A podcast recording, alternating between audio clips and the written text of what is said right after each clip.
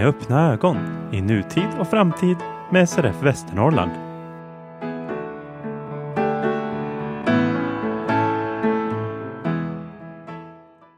Hej och välkomna till avsnitt 11 av podcasten Med öppna ögon från SRF Västernorrland. Vi har nu kommit fram till december och jag som talar heter Kristoffer Tillin. Och med mig här i studion så har jag de vanliga Peter Kärnberg, Goddag, goddag. Frida Kalander Hej hej! Och dessutom idag en speciellt inbjuden gäst. Välkommen Mattias Vinsa. Tackar, tackar. Dagens avsnitt kommer att innehålla inslag från Unga med synnedsättnings resa till Nepal samt inslag från taltidningskonferensen i Sundsvall. Dessutom kommer vi få träffa Jörgen Berglund, riksdagsledamot från Moderaterna. Men innan vi drar igång så måste jag ju fråga, första advent har varit. Hur mycket är ni för att eh, pynta hemma? Vi kan börja med dig Peter. Jag pyntar ingenting ska jag säga, om man inte räknar in alla möjliga och omöjliga ställen jag uppfinner klädhängare på när tvätt ska torka. Det är väldigt lokala pynt ska jag säga. Jag törs inte säga all ställen där de hängs, men de är ganska många. Men annan pyntverksamhet har jag inte ägnat mig åt. Pantverksamhet är jag bra på däremot. Oj, jag är raka motsatsen. Eh, jag kan ju avslöja att jag har slagit ett personligt rekord i när julpyntet kom fram. Faktiskt den 20 november så hade jag en julgran i min nyköpta bostadsrätt. Eh, jag skyller på att jag inte hade en gran sedan tidigare och när den inhandlades så fick vi feeling och körde upp den på en gång. Så att eh, det är lite därför. Men eh, annars är jag ju väldigt mycket för att hålla mig tills december. Men i och med att jag inte heller kommer vara här i stan hela julen så kan man väl få smygstarta lite grann. Ja, och jag tyckte jag var tidig i fjol när julgranen kom fram i, i första helgen i december. Men eh, för 20 november var nog ett rekord. Eh, du då Mattias, du bor ju trots allt tillsammans med Frida. Hur har det varit att ha haft julgranen framme så länge? Ja, jag blev lite paff när jag såg att de... Hon skickade ett meddelande till mig att nu ska du swisha med 850. Och jag bara, jaha, varför då? Arr, vi har grejer hemma. Jag bara, jaha. Kom jag hem och då började de pyssla med ljusslinga och gran och allt sånt där. Och jag vill inte vara den som är den, men jag brukar inte bry mig så mycket så att jag, vill, jag är inte lika illa som Peter. Men eh, alltså ljusstake så tycker jag är väl fint. Det, det mår jag bra av. Är det okej att smsa dig och säga swisha mig 850?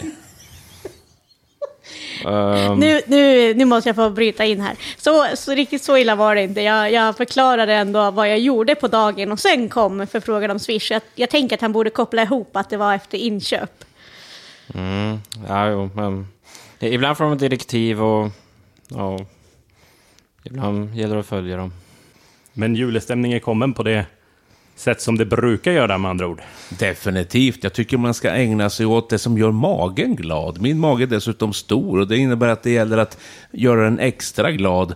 Och då pratar jag alltså om glugg. Jag talar om eh, den skållade mandeln, russin etc.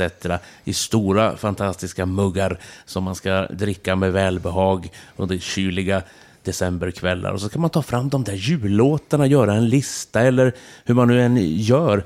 De man hörde som barn, de man har hört på senare år. Jag har gjort det själv, det är över två timmar som snurrar runt och det är mycket fantastiskt. Och så eh, blir det en väldigt skön decemberstämning. Jag tycker nästan stämningen innan själva julafton är än mer magisk än den som kommer vid själva julaftonen. Den passerar så fort, men december är bedrövlig ur en orienteringssynpunkt därför att snön vräker ner.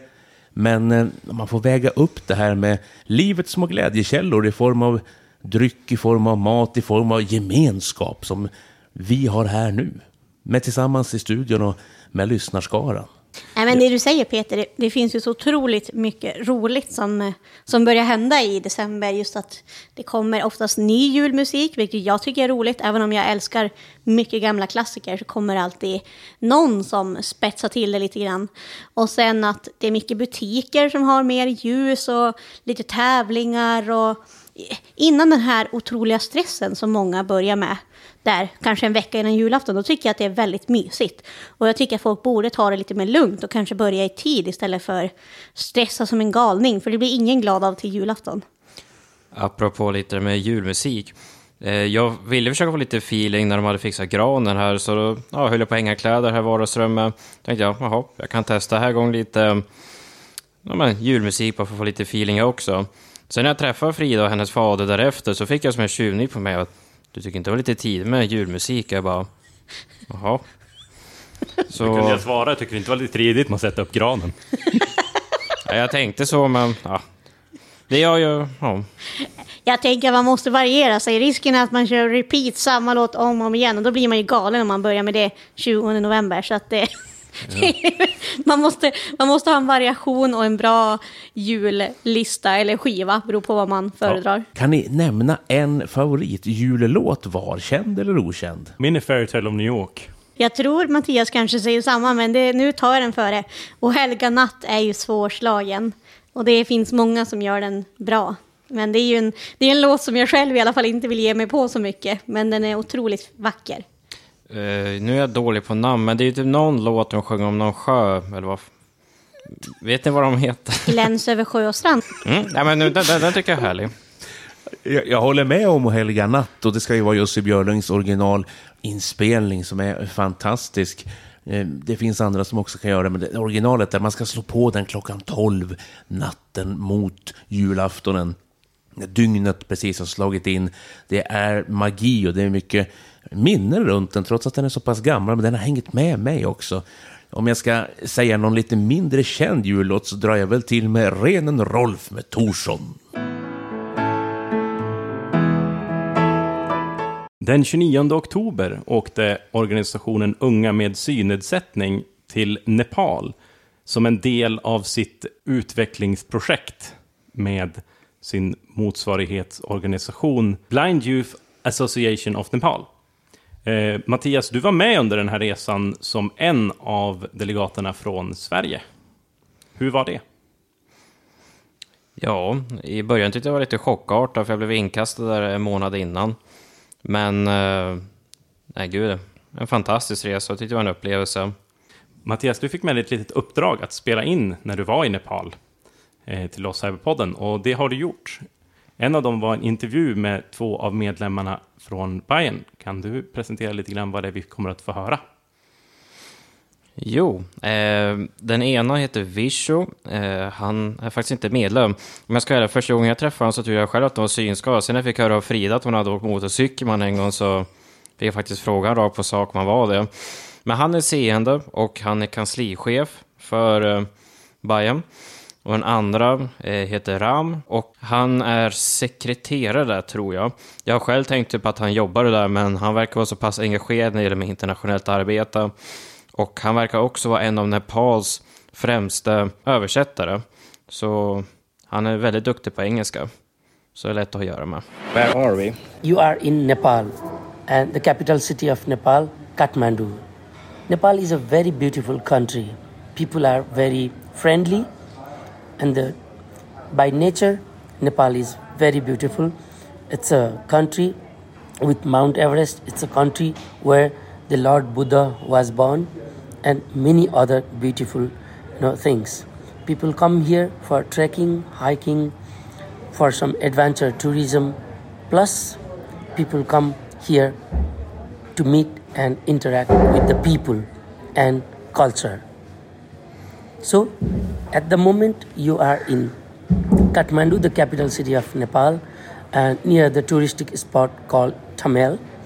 This is a very nice place to visit. This is a very beautiful country with a lot of poverty where a lot of support is needed.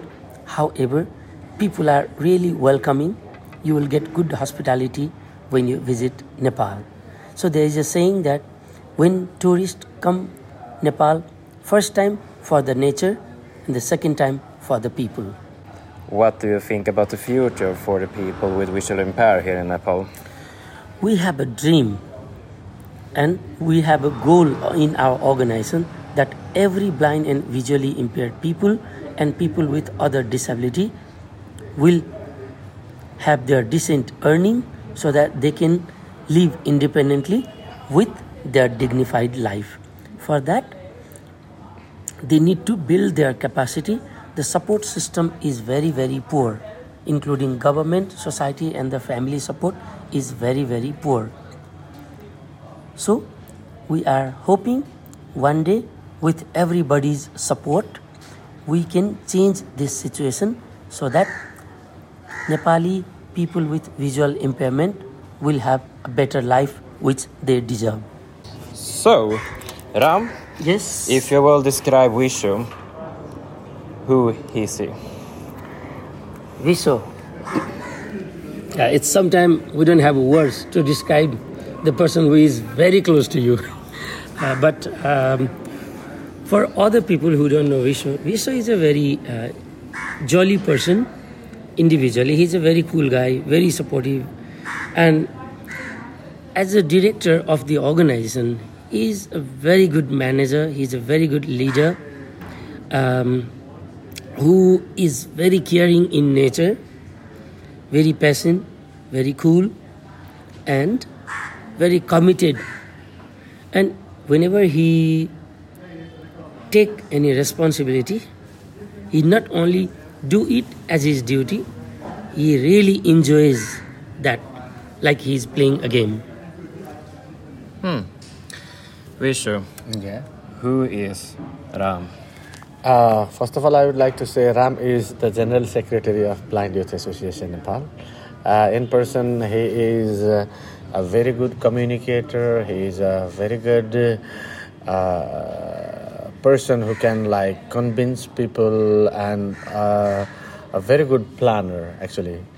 So he has been uh, tremendous and uh, strong like uh, uh, what to say friend to work with and uh, to bring this organization at this stage thank you So, what is Bayan? It is an organization of very active, committed, and dedicated blind and visually impaired youth who wants to learn together, grow together, and support the other Nepali blind people together. That's why they are organized and committed to work to solve various challenges of Nepali blind people. Uh, to add on what Ram said, Bayan is a right-based organization who is advocating for the rights of not only blind and partially sighted, but also overall persons with disabilities as a whole to uh, make uh, to live a dignified life. So. Uh, Bayan is also a member-based organization where uh, you have members from various chapters representing all over the country, and yeah, it is organization of youth, and it is organization for youth with disabilities. And Bayan also work with government agencies, and Bayan is a very uh, teamwork organization. Bayan's leadership has a different skill set. What I have may not have in other members, and what they have, I might not have. So, when we have a different skills for one common interest, then that really helps. It's like in the music. If one is singer, one is playing guitar, one is playing piano or drum, then you can perform a wonderful music or concert. Something similar is Bayan. What Viso does, I don't have that quality. And what our other team members have expertise, I may not have. So it's a very good teamwork with different skills to fulfill the common objective. Thank you for this time, Ram. My pleasure, and all those my Swedish fellow friends who are listening this podcast. Uh, th- first, thank you very much for listening. Yes, we are here in Nepal, similar to you. Maybe somehow uh, we are different in terms of you know um, opportunity, in terms of support and all. But one day, with everyone's support, we can have a better life for every one of us, so that everybody can live with dignity. So come visit us. You will have a better perspective in your life. Går det ens att jämföra US med den motsvarande organisationen i Nepal, tycker du Mattias? Kan du berätta för, guida oss lite kring skillnaderna och då måste du naturligtvis också kanske berätta mer om samhället, hur det ser ut.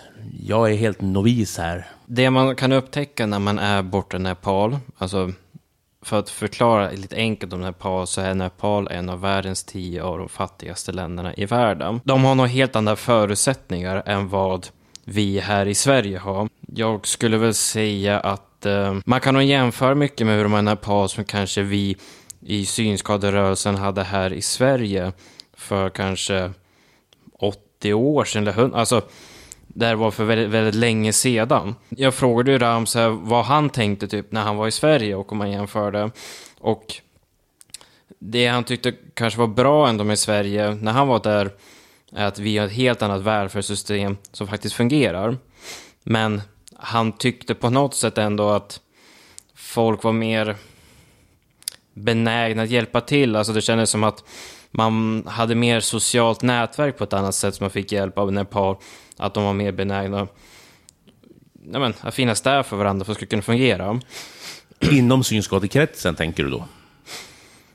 Överallt. Alltså, det kanske jag själv ändå upptäckt när man varit i andra länder som är typ Egypten eller Turkiet. Alltså, att folk kanske inte har samma välfärd som här i Sverige. Då kanske man är mer benägen att känna att oj, här är en synskadad och jag behöver nog hjälpa dessa för att de ska kunna klara sig. Alltså, det, det påminner mycket som STRF hade förr i tiden. Vi gnäller här på att vår färdtjänst kommer lite sent eller att eh, vi har taxichaufförer som pratar dåligt. I Nepal så, um, ja men, de har typ ingenting. Alltså, det enda jag tror jag hörde som var fördelen för dem var att de har gratis universitetsutbildning eller skolutbildning i sig om man jämför med befolkningen i sig där borta. Så ganska många var faktiskt väldigt välutbildade där. Väldigt många hade läst masterutbildning av olika saker, varit lärare, många var jurister. Alltså många av dem hade lyckats med detta, trots att de har typ en väldigt otillgänglig utbildning att kunna hålla på med. Jag frågade exempelvis Vish om detta, att hur kommer det sig att alla är så välutbildade av de synskadade där? Och det är att det är det enda de kan göra. Alltså, de kommer inte in på arbetsmarknaden. Och kommer man in på arbetsmarknaden då tjänar man cirka 2000 rupie. Och ja, en krona är lika med 12 rupie. Och eh, ja, men de har inte bussar där borta med utrop och det är ganska farliga gator där. Så när jag gick med dessa människor, när de visade runt lite, så bilar kör lite hur som helst. Alltså, de är en helt annan biltrafik där än vad man har här i Sverige. Och de gick längs vägarna och vissa hade typ halvtrasiga käppar för att käppar i Nepal kostar ganska mycket. Nej, de får försöka ta sig runt på ett helt annat sätt än vad vi kan göra här. Men de har inget val så de tar sig ändå runt lite. Och det skulle jag nog säga är väldigt inspirerande att vara där borta och se faktiskt vilken kämpaglöd de har där. Och jag tror också att gemenskapen kanske blir större om besvärligheterna är större också. Hjälpmedelsförsörjning och sådana saker. Du säger att välfärdssystemet inte egentligen finns, åtminstone inte på det sättet som vi tänker oss det när vi pratar om svenska förhållanden. Hur ser hjälpmedelsförsörjningen ut? Jag misstänker heller att den inte är gratis, att det handlar mer om var man hör hemma i samhället om man ska ha råd att eh, köpa sig de saker som finns. Nej, men alltså det finns nog inte riktigt hjälpmedel där borta. Ungefär som jag sa, de kanske har ja, men, en vit käpp som de kanske själv har köpt, eller om ens det. Man kanske går runt och känner med fötterna. De har... Det är väldigt... Alltså om vi tycker att vi är inte så värst duktiga på det digitala, alltså där borta har de inte alls samma förutsättningar för det. Och telefoner, så kanske man använder några Android-telefoner som kanske vi skulle tycka är ganska hopplösa, men som de har ja, men, varit tvungna. Men jag upplevde att väldigt många ändå kunde punktskrift. Och det är lite så, alltså i ett land där välfärden fungerar dåligt, då är det civilsamhället som kommer in där istället. Och då har ju exempelvis Bayern eller eh, SRFs varianten där borta i Nepal, att det kanske är de som får finnas där mycket mer för deras medlemmar. exempelvis så något de jobbar mycket för i Nepal är eh, tror typ sexuell hälsa eller ja men mer eh, hur eh, sexualkunskap typ. Alltså som många där behöver lära sig. Alltså i Nepal så bor det typ, alltså det är hälften så stort som Sverige, men det bor typ 33 miljoner och det finns inte tillräckligt med mat där. Men ändå så ökar befolkningen som tusan där. Och de synskadade borta vet ju inte själv hur saker fungerar. Och då har ju exempelvis Bayern jobbat med att eh, utbilda sina medlemmar där de har byggt som en egen plansch typ med punskrift och där man får känna exempelvis så här känns en kondom och så använder du den. Här är eh, men typ p-piller och lite annat sådant. Just bara för att, ja men, så att de får möjlighet att få lära sig detta. Så de annars har svårt med att kunna. Jag kan dra en parallell här till de blindas fritidsklubb och de andra ungdomsorganisationerna som startade på 40-talet när just exempelvis sexualkunskap togs upp därför att det var ganska dåligt standard på den på Tomteboda blindinstitut. Man uppmanade många blinda att inte skaffa barn och man sa att eh, det, ni ska inte föra era anlag vidare och så vidare. Så att, att skaffa kunskap runt det här, dels eh, hur allt går till och dels vilken njutning det också kan ge, det var inte på tapeten då. Det fick synskadade i Sverige också vinna själva genom nyfikenhet, genom att slå sig fram. Så man kan faktiskt, som du säger, dra paralleller här. Inte bara på den frågan, men på de andra frågorna också. Därför att när du berättar så känner jag att det är väldigt mycket så att organisationen i Nepal är en utförande organisation på det sätt som möjligtvis de blindas förening var förut. När föreningen själv startade upp verksamhet. Har jag fattat det någorlunda rätt om man gör den jämförelsen?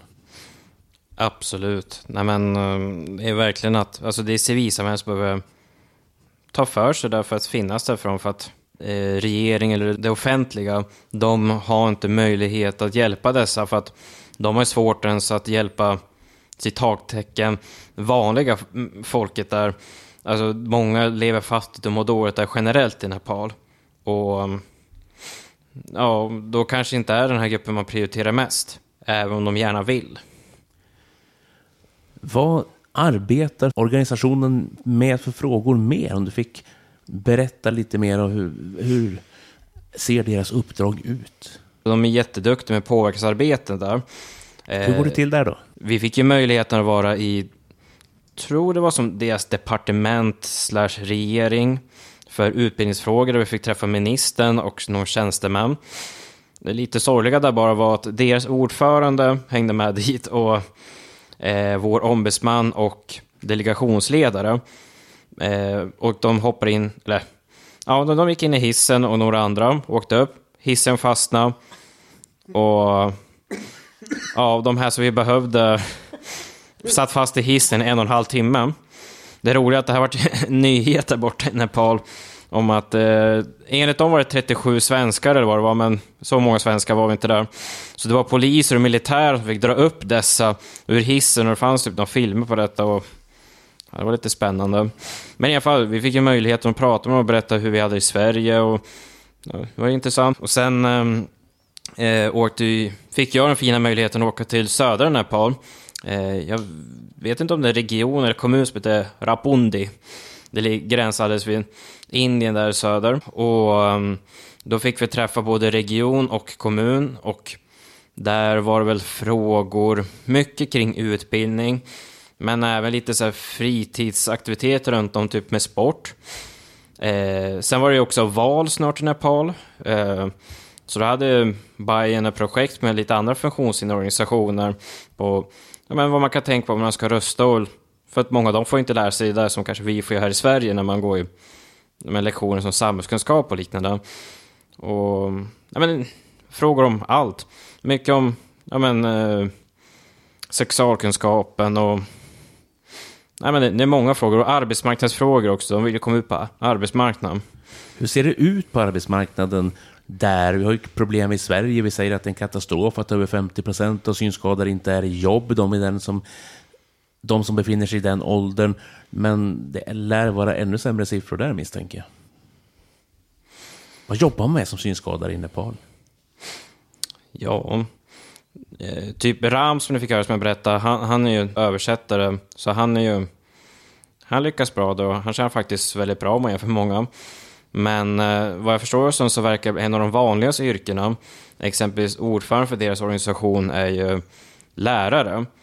Eh, så läraryrke verkar vara något de satsar mycket på. Sen kanske absolut så här som massör eller översättare. Jag tror jag hörde att någon var en entreprenör och åkte till Indien för att köpa billigare saker och sälja sen Nepal. Många var ju väldigt välutbildade men de får ju inte jobb.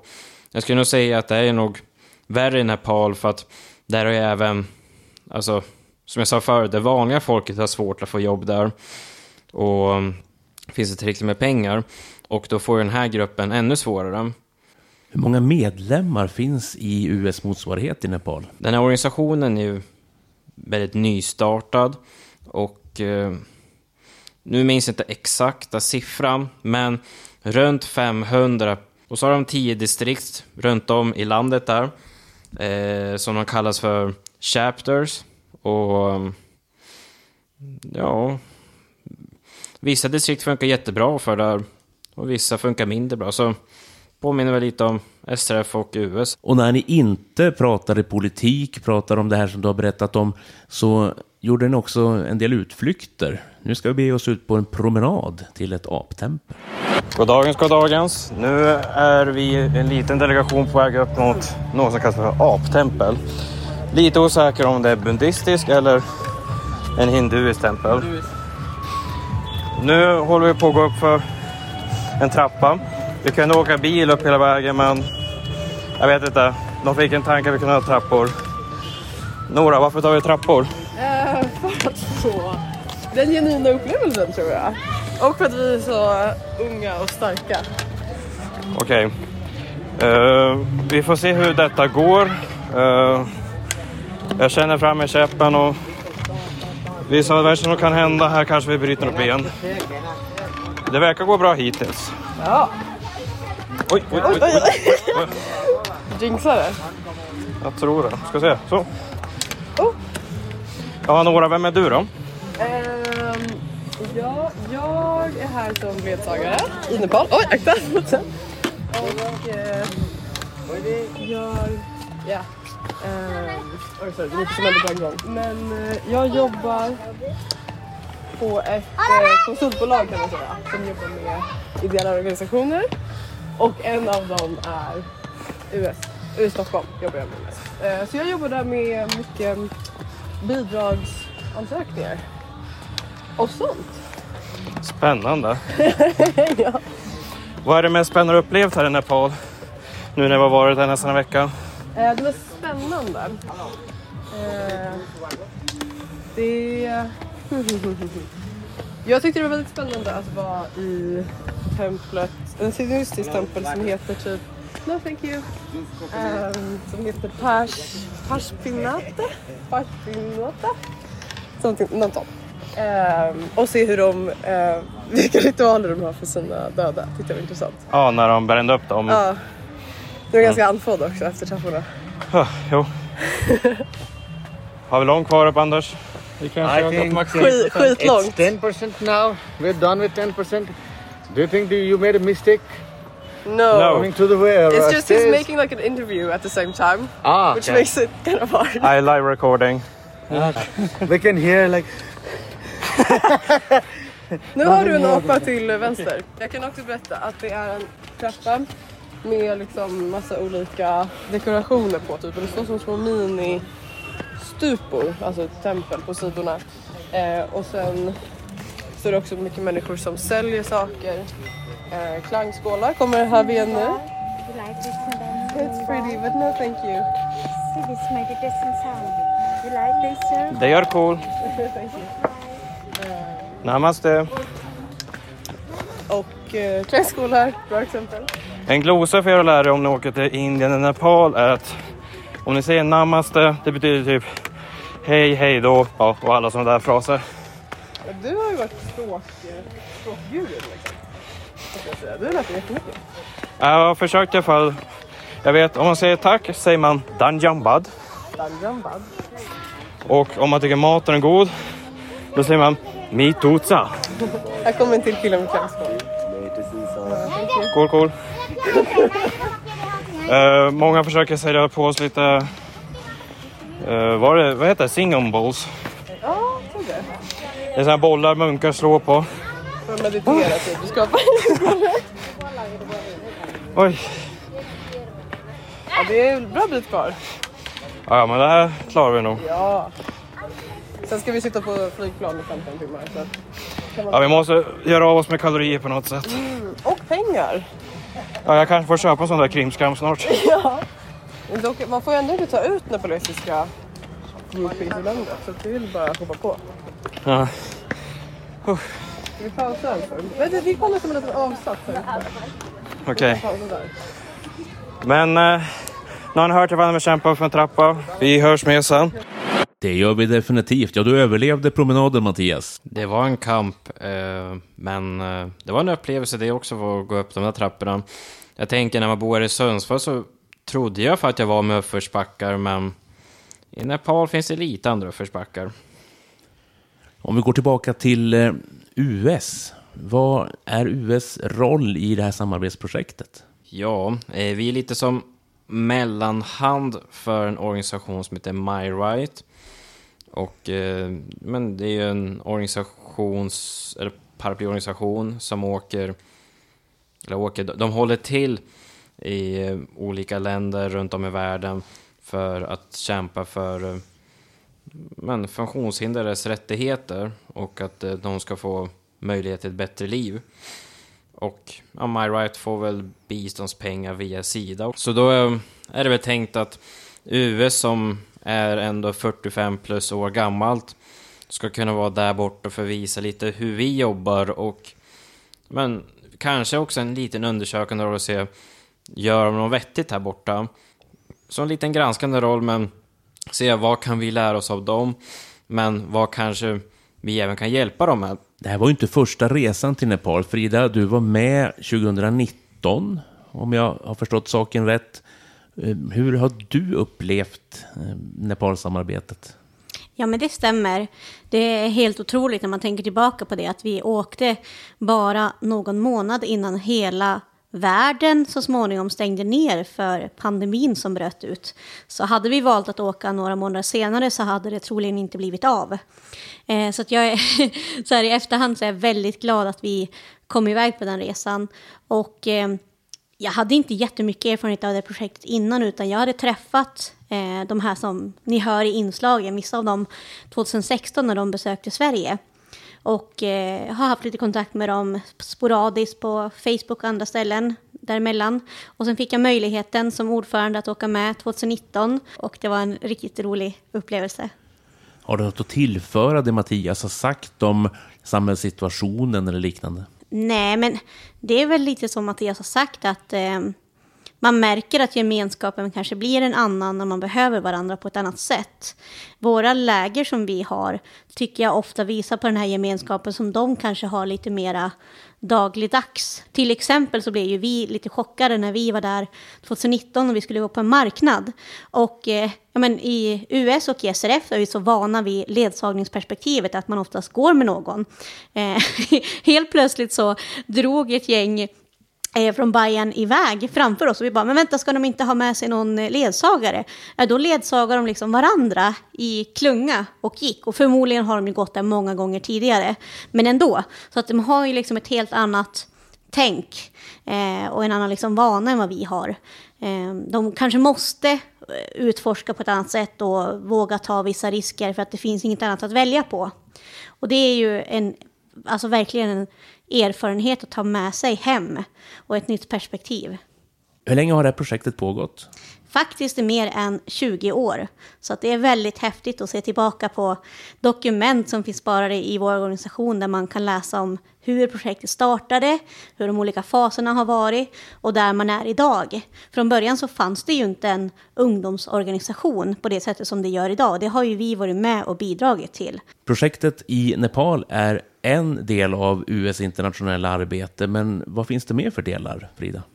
Ja, vi har ju förutom Nepal så har vi också nordiska samarbeten. Och det ser ut som på så sätt att vi till exempel bjuder in eh, våra nordiska organisationer bredvid oss till vår riksstämma varje år. Och även att de bjuder in oss. Något vi också gör är att vi anordnar Nordic Camp. Och där är det så att eh, Sverige, Finland, Norge, Danmark och Island turas om att vara värdland för Nordic Camp. Och det är som, lite som det låter, det är ett stort nordiskt läger där man bjuder in eh, ett visst antal deltagare från varje land och man byter då eh, vilket land som ansvarar för lägret varje år. Och det är också en sak som vi försöker alltid att skicka deltagare på. Och jag själv har varit med på det två gånger. Det är väldigt trevligt. Och där får man också träna sin engelska och man får lära sig mer om varandra. Och för att tydliggöra varför jag sitter och frågar dig om US, Frida, så beror det på att du är ordförande för riksorganisationen just nu. Ja, men precis. Det är jag ju fram till juli 2023. Så att, eh, därför pratar jag lite US också, samtidigt som jag jobbar för SRF. Vi träffar resenärerna en sista gång, den här gången under hemresan. Nu sitter vi på flygplanet från Nepal till Qatar. Det har varit en lång vecka och därför ska jag kolla runt lite med vad vissa har tänkt under denna. Så, vem har jag här bredvid mig? Här sitter Anna Wallsten som har varit med som ledsagare på resan. Jobbar på SRFs museum i vanliga fall. Hur kommer det sig att du åkt på denna resa då? Jag blev faktiskt tillfrågad. Jag har jobbat som ledsagare en del för US tidigare och blev tillfrågad om jag vill följa med till Nepal. Och det var ju inte riktigt läge att tacka nej då. Så det var ju bara att åka med. Vad har gjorts under denna vecka? Oj, vart börjar vi? Vi har haft mycket möten med eh, olika eh, myndighetspersoner. Eh, vi har umgåtts med eh, nepaleserna från Bayern, Blind Youth-föreningen. Eh, vi har fått träffa eh, jättemånga spännande personer. Eh, vi parades ihop en och en under flera dagar med medlemmar och styrelsemedlemmar från Bayern där vi fick chans att prata mellan varandra om vilka utmaningar och möjligheter man har som synskadad i Nepal. Jag tänker, du som ändå har jobbat mycket med historia och liknande på SRF, är det någonting du kan se likheter med Nepal idag och med hur det funkar för synskadade förr i Sverige? Ja men verkligen. De, eh, vi har ju kommit en bit i Sverige. Just när vi, vi har också gjort besök i skolor och sett eh, vilka möjligheter man har till anpassad eh, litteratur och liknande. Eh, och det blir ju tydligt att vi har kommit mycket längre i Sverige med all ICT-teknik och annat. Eh, men också generellt, eh, de befinner sig kanske någonstans i sin utveckling eh, där de har väldigt stora hinder att börja, börja kliva över. Något som SRF kanske jobbade med för 50 år sedan som vi ser som självklarheter finns inte. Eh, det, det, det liksom sociala skyddsnät som vi är vana med finns inte alls att tillgå här. Vad tar du med från denna resa? Förutom en magsjuka så tar jag med mig väldigt många fina minnen. Eh, det har varit otroliga dagar. Det är svårt att smälta det. Jag kommer nog behöva komma hem och försöka titta igenom alla bilder jag har tagit och alla fantastiska tempel och vyer över Kathmandu, äh, apor och alla fantastiska människor. Jag tar med mig en, en jätteglädje. Tack Anna. Hallå, hallå. Nu har vi flugit klart så nu hänger vi här på Qatar flygplats. Det är fint här. Dock lite besviken att de inte har guldgolv och liknande, men annars så. Sen har jag en rolig filur bredvid mig här. Vem kan det vara? Hejsan, Kevin Kjelldal här. Och vem är du? Ja, men eh, jag är engagerad i US, eh, sitter med i riksstyrelsen och har nu varit med för min andra gång till Nepal i den delegation som Fokus Internationellt skickade för detta år. Hur kommer det sig att du hamnade i Nepal då? Ja, alltså det var inte så jättemånga engagerade eh, på den tiden då jag var engagerad, började engagera mig 2019 där. Eh, och då blev det att man åkte, eh, för det var inte så stor konkurrens om platserna. Ehm, och vi tyckte att det var bra att ha med någon som hade var, åkt Marta tidigare eftersom att delegationen var nästan till helt ny. Bortsett från mig en ledsagare så att, då blev det väl så att jag hamnade där igen. Vilket var jättekul. Vad har gjorts under denna gången då i Nepal? Oj, ja, det har varit ganska mycket saker. Vi har ju både roligt med välkomstmiddag och avslutningsmiddag och besök på olika ministerier, bland annat eh, utbildningsministeriets eh, motsvarande departement här i Sverige och eh, ministeriet för familj och hälsa. Där vi har pratat dels ja, men hur utbildningssituationen för blinda och synskadade ser ut i Nepal och vad som har gjorts och gett feedback på vad man kan fortsätta arbetet med för att få det ännu bättre och vi har pratat sexuell och reproduktiv hälsa också på familjeministeriet. Utöver det så har vi besökt en massa tempel. Eh, det, det är väl i det, det stora hela. Men du har ju varit i Nepal två gånger. Precis. Eh, är det någon skillnad med denna gång om du jämför med förra gången? Eh, Jag skulle säga att gruppen var mer förberedd den här gången än vad det var sist. Ehm, Och vi hade mer tid med deras medlemmar också. eh, Och trä- och träffa dem och språkas med dem. Så att det var kul. Och att det inte bara var dagar fyllda med möten utan att vi hade lite fritid så att vi kunde återhämta oss också. Det är väl ganska stora skillnader. Vad tar du med dig från resan? Jag tar med mig ännu en gång, som jag även gjorde sist, att eh, man ska inte ha en så negativ syn på allting. För det finns de som har det betydligt mycket värre än vad vi har det. Eh, och eh, ja, försöka ta med mig det i arbetet i både US men även för mig själv i privatlivet. Liksom. Och att US måste bli bättre på att bedriva påverkansarbete. För där ligger vi helt sanningsenligt ganska långt efter vad Bayern gör just nu. På grund av många olika anledningar. Men eh, det kan bli bättre. Tack så mycket för din tid Kevin. Tack själv. Nu går jag runt min runda här för att träffa några filurer som har varit med under resan. Och vem råkar jag ha framför mig här då? Per Tomma. Jag är vice ordförande för eh, riksstyrelsen i Unga med synnedsättning. Och det var därför jag åkte till Nepal. Du låter lite sliten. Hur mår du efter resan? Jag är ganska sliten. Det har varit fruktansvärt intensivt. Hur kommer det sig att du åkte Nepal då?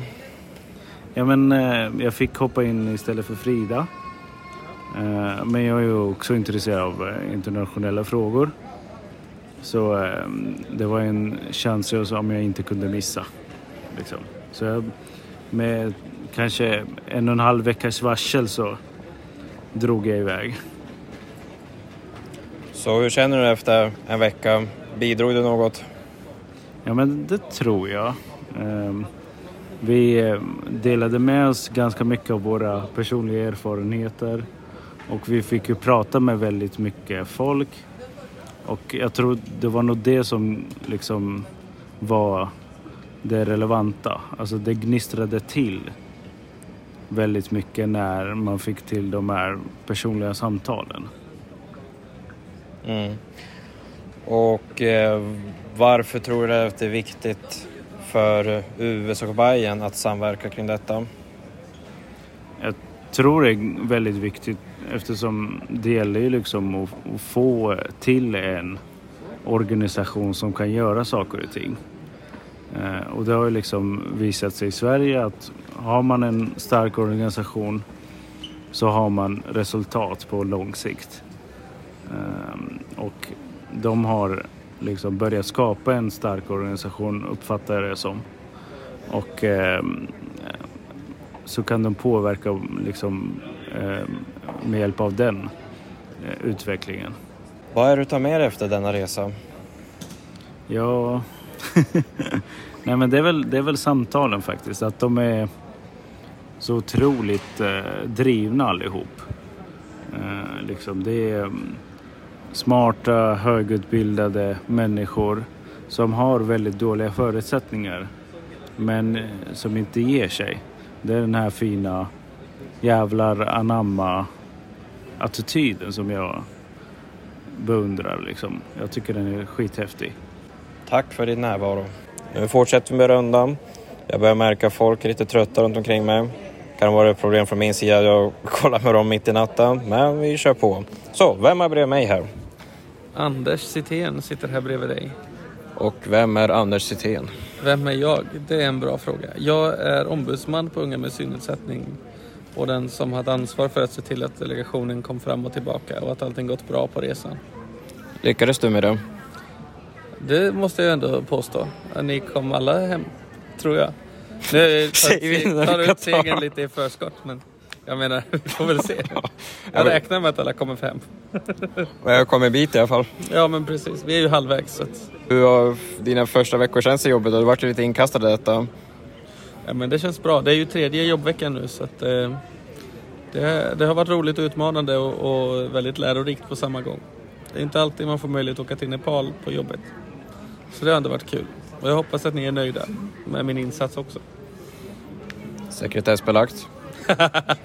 Men eh, hur tänkte du när du fick frågan först om att få åka till Nepal? Ja. Absolut. Det var det enda jag tänkte. Det låter kul. Det var inte krångligare än så. Okej. Så vad hände i Nepal då? Vi eh, träffade vår partnerorganisation Bayern, Blind Youth Association Nepal. Och vi hade både möten med fokus på eh, vårt projekt som vi driver tillsammans. Eh, hur det har gått hittills och hur nästa projektperiod kan tänkas se ut och vad de kommer göra under det projekt, eh, den projektperioden 2023 till 2027. Ehm, vi var också ute och besökte olika myndigheter eller lokala kommuner och eh, lärde oss lite mer om hur de jobbar med tillgänglighet i Nepal och vilka utmaningar vår partnerorganisation möter i sitt påverkansarbete. Så vad tror du om framtiden? Vad är det som är tänkt med projektet? Jag tror framtiden är ljus.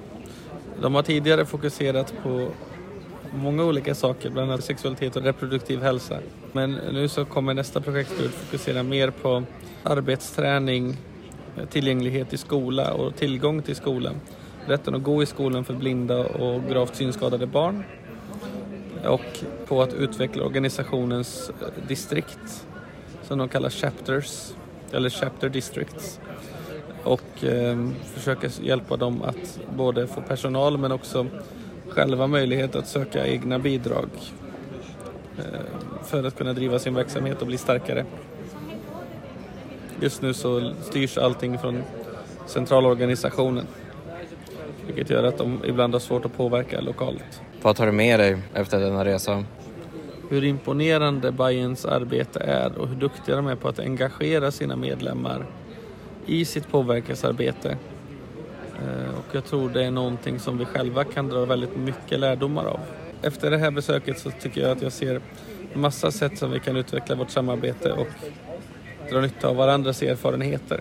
De är väldigt duktiga på att utveckla och träna sina medlemmar och bygga medlemskapacitet.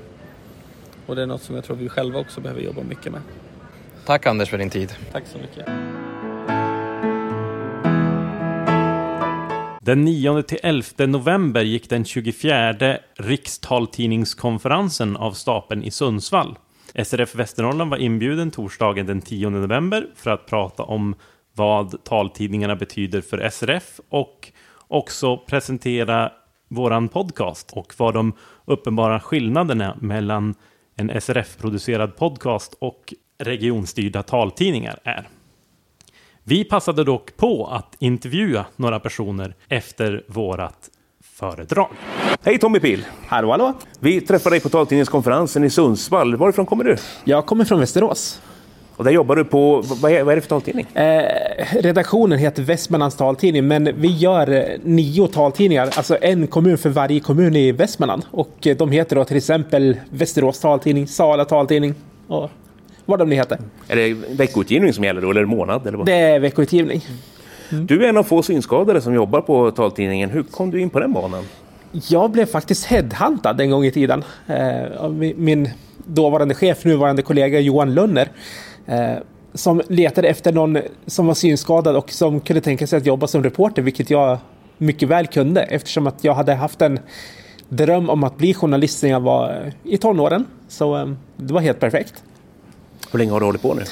Eh, jag började i mars 2008. Och tycker fortfarande det är lika kul, eller? Det är jätteroligt, för att, alltså man lär sig, jag brukar säga det, man lär sig nya saker varje dag. Har du något specialområde, eller är det bredden du tycker är häftigast att jobba med? Jag tycker bredden är jättespännande. Alltså, jag har ju ett specialområde och det är sport, men det ingår ju inte i vår verksamhet. Så eh, det, det är ganska ointressant. Men eh, som sagt, bredden tycker jag är jätteviktig och jättespännande.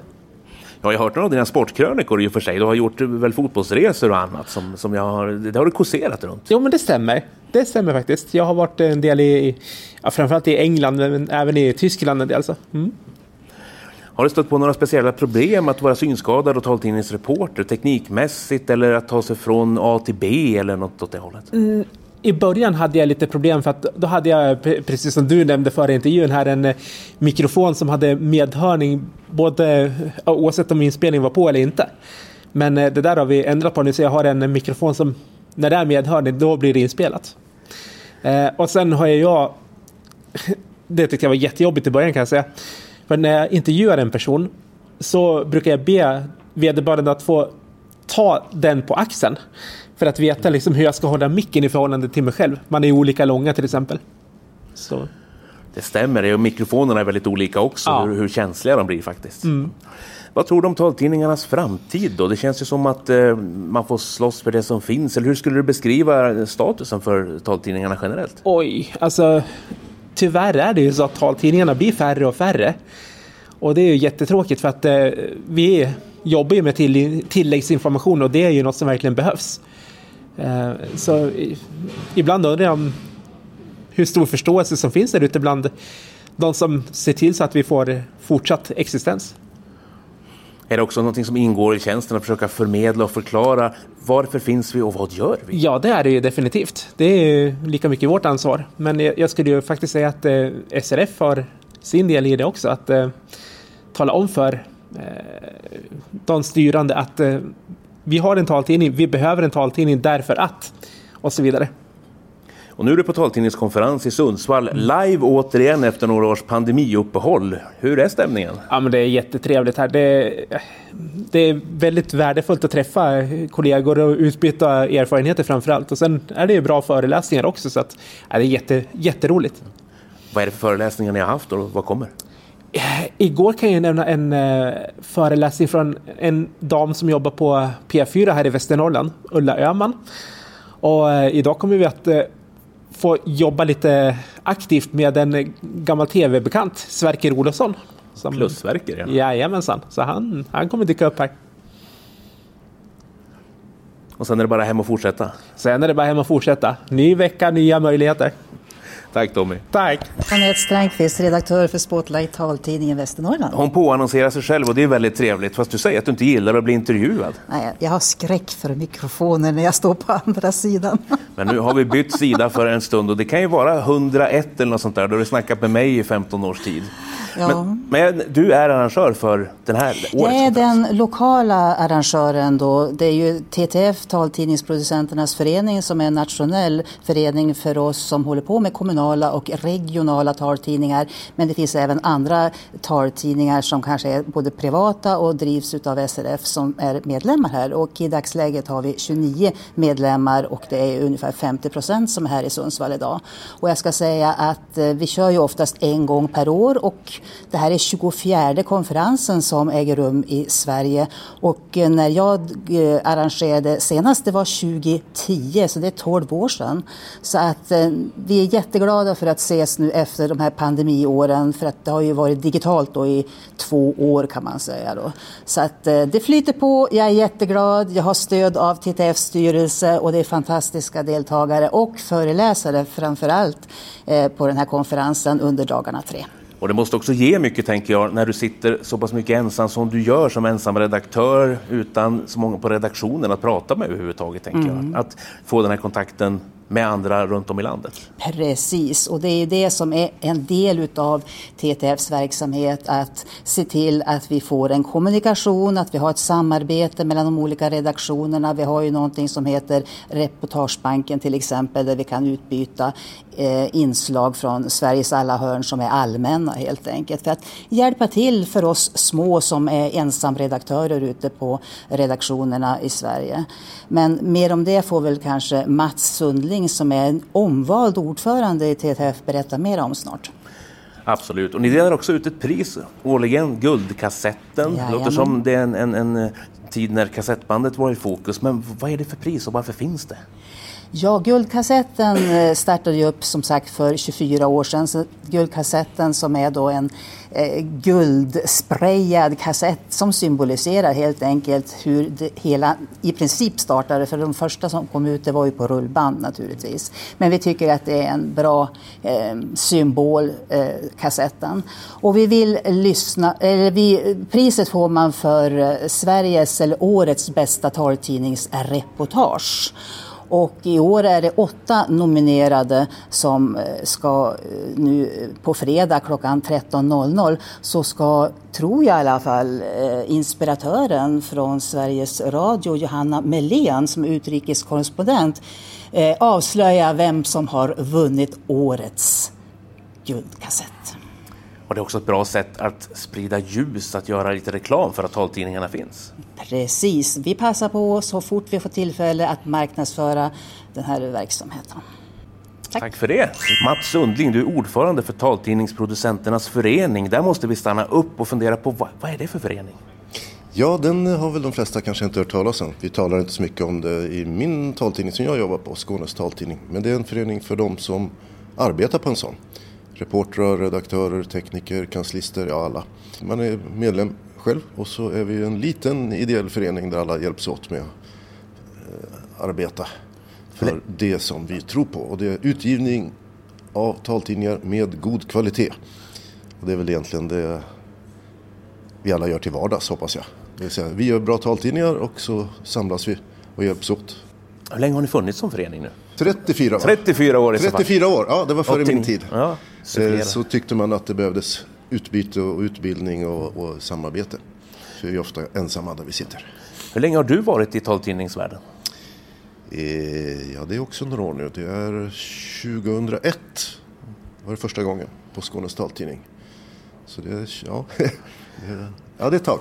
Och läget för taltidningarna har ju förändrats genom årens lopp. Du sa det själv, många sitter ensamma, ni är en liten redaktion ändå. Men var befinner sig taltidningen idag tycker du i må- mottot att bli accepterad och inte hotad? Ja, det beror på var man sitter någonstans kan man säga. Eh, på många håll har vi sett det du var inne på här, en nedskärning, en nedläggning. Man hänvisar, oftast ges taltidningar ut i kommuner och regioner att ja, men nu har vi en tillgänglig webb. Så att all landstingsinformation går ju att hitta där och alla som inte ser har ju tillgång till datorer numera. Det har vi hört talas om. Och så har man gjort det väl enkelt för sig. Och så sparas det och eh, skärs ner. Och det är ju tråkigt. Taltidningar som gör eget innehåll det man ibland kallar för tilläggsinformation. Det är de som det har gått bra för. Och det har väl ofta sett att de som är mest engagerade i vår lilla förening och kommer på konferenser, går på workshops och utbildningar, för det är det vi gör väldigt mycket när vi träffas. Eh, De som är mest engagerade och sen går de hem och gör den bästa taltidningen och på något vis så lyckas de ofta vara de som eh, överlever helt enkelt. Så ett bra innehåll tror jag är nyckeln till framtiden. Startas det fortfarande nya taltidningar? Det är lite klent med det får jag säga. Eh, Det är någonting jag gärna, det har jag kämpat för i- i rätt många år nu som ordförande och puffar gärna för det men det går lite trögt. För då hänvisar man gärna hos kommunerna till att ja men nu finns ju allt, allt tillgängligt digitalt så att inte behövs det. Och det tror jag inte är riktigt sant för att alla är ju inte digitala. Det kommer väl aldrig att bli heller tror jag. Nej, och vi pratade innan om också att all information, även om den är digital, all information för, som synskadade specifikt behöver är ju heller inte eh, tillgänglig. Det går inte att hitta med en sökning. Nej, exakt. Och det är väl där jag tycker vi har en unik funktion. Att vi gör det som andra inte gör.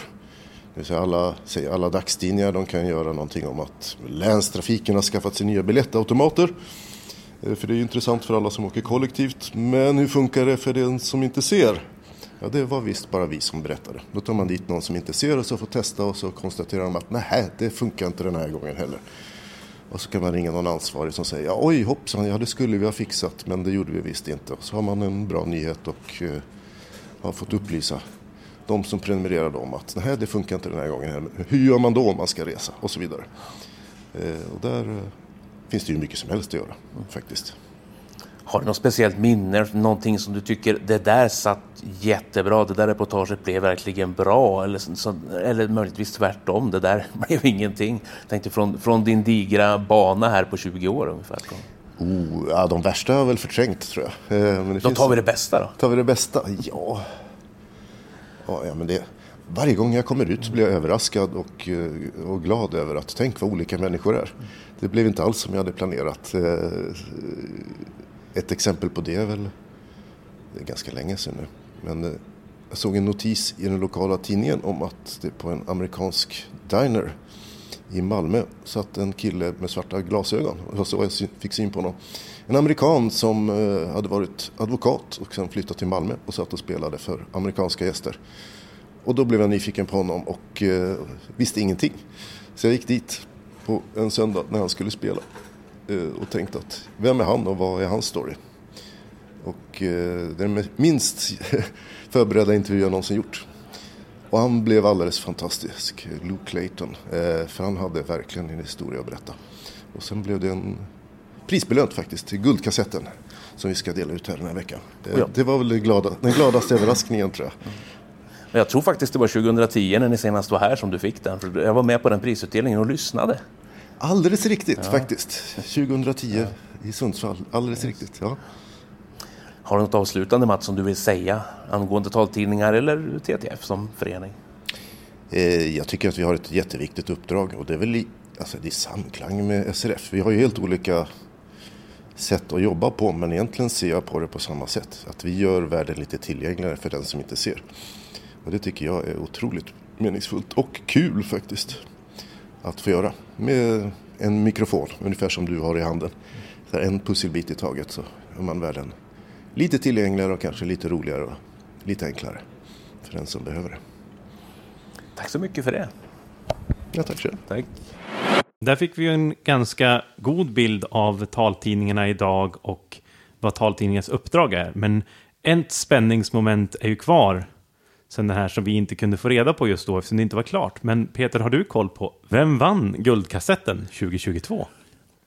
Priset gick till Norrland ska sägas, till Norrbottens taltidning Insyn, till Eva-Marie Svensson och till reportaget som heter Elins dröm och som har publicerats naturligtvis i den taltidningen men också efter att man vann Guldkassetten i de andra taltidningarna såväl i Spotlight, vår egen taltidning, som i de andra. Dodo Parikas, Skånes taltidning, fick ett hedersomnämnande för ett annat inslag. Och taltidningen i Västernorrland heter som sagt Spotlight och kan lyssnas på via podcastappen. Om man söker på Spotlight. Man kan även lyssna på taltidningen på webbplatsen taltidningenvasternorrland.se. Fredagen den 25 november träffade SRF Västernorrland Jörgen Berglund, riksdagsledamot från Moderaterna. Det här blir din andra riksdagsperiod, det stämmer då? Ja, det stämmer. Jag kom in 2018 så att nu påbörjar min andra period. Och jag kan misstänka att du tycker att det är ännu roligare nu med tanke på att du nu tillhör majoriteten. Regering. Ja, alltså jag, jag ska säga så här. Jag tycker det är jätteroligt att få prövat på att vara i opposition och nu få pröva på att vara i majoritet. För det är ju, man jobbar ju väldigt olika. Eh, och det önskar jag faktiskt alla att man fick den möjligheten. Det tror jag är bra. Vad är dina specifika ärenden? Jag vet att du är med i försvarsutskottet bland annat. Ja, exakt. Jag jobbar väldigt mycket nu med eh, försvarsfrågorna. Eh, jag har fått tagit över i, i Moderaterna som då det som kallas första namn eller kommittéordförande. Eh, så att jag tillsammans med fyra till ledamöter i försvarsutskottet och en arbetande ersättare ska driva Eh, försvarsfrågor då i, i riksdagen. Och i en tät dialog såklart med eh, min företrädare som nu har blivit försvarsminister, då Paul Jonsson.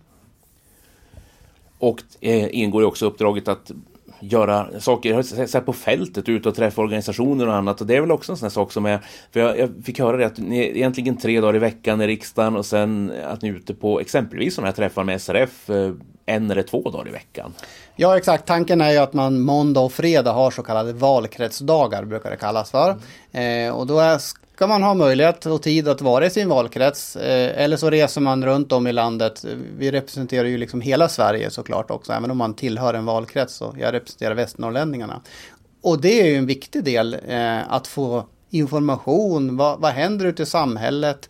Eh, nu har vi pratat om synskadade här. Eh, det är ju ingenting som jag normalt träffar på i försvarsfrågorna. Så det är ju jätteviktigt för mig att få in sådana saker. Och nästa gång kan det vara en mjölkbonde eh, som vill prata och informera om hur det ser ut nu för, för mjölkbönderna. Vad, vad innebär höga bränslepriser och så vidare. Det är jätteviktigt att få den informationen.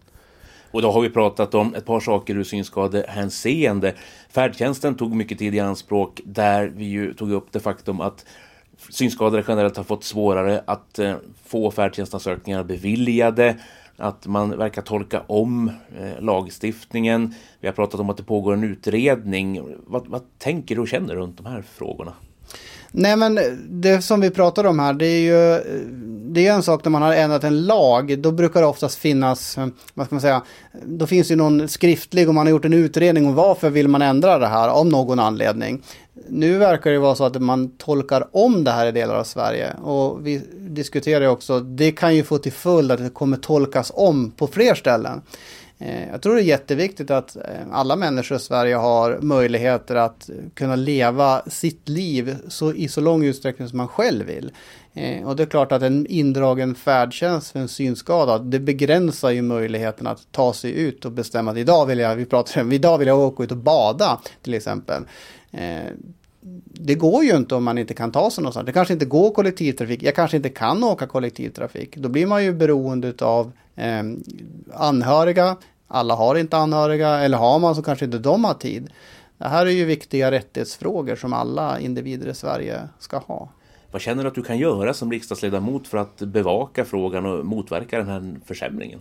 Ja, men ett sätt är ju att vi träffas och ni informerar mig om det här och liksom belyser det här. Att håll koll på det här Jörgen. Det ska jag göra. Den här utredningen nu som som är under eh, eh, arbete då. Det är klart att jag ska titta på den och jag är helt säker på att ni kommer påminna mig när den är färdig också. Och som riksdagsledamot, som jag är en av 349, eh, jag har ju, kommer ju att ha information och en, en uppfattning kring det här när det kommer. Och sen ska det ju fattas någon slags beslut då. Och, och nu har vi träffats, nu har ni upplyst vad innebär det här egentligen för praktiken för enskilda människor och det är viktigt.